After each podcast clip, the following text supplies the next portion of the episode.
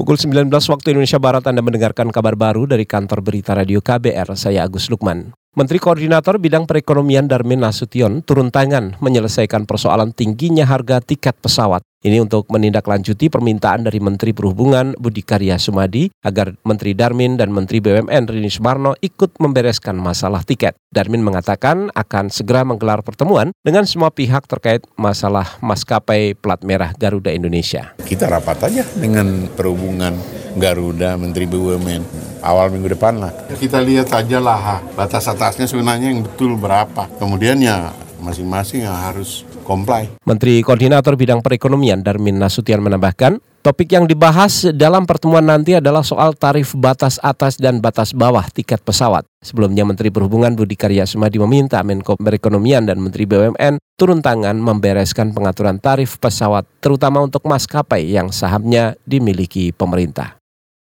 Politikus Partai Golkar Sebastian Salang menilai perlunya koreksi dalam sistem pemilu serentak di Indonesia. Menurut pendiri Forum Masyarakat Peduli Parlemen Indonesia ini atau Formapi, pelaksanaan pemilu serentak tahun ini sangat ruwet. Ini terlihat dari banyaknya korban jiwa dari petugas penyelenggara dan aparat keamanan yang mengatakan ada sejumlah pilihan penyelenggaraan pemilu yang harusnya dibahas oleh pemerintah dan DPR. Kita pakai pola yang baru. Misalnya begini, pola yang baru itu ada dua pilihannya kita mulai dengan pemilu legislatif dulu, baru pemilu eksekutif. Itu satu pola. Pola yang lain, pemilu nasional dulu, baru pemilu daerah.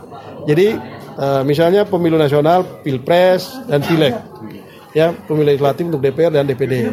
Nah, lalu kemudian uh, pemilu berikutnya untuk kepala daerah dan juga DPRD. Politikus Golkar Sebastian Salang menambahkan pelaksanaan pemilu secara serentak bertujuan untuk efisiensi, tapi hal ini justru memunculkan persoalan kompleks, salah satunya soal banyaknya surat suara dan dokumen yang harus ditangani oleh petugas TPS yang jumlahnya terbatas.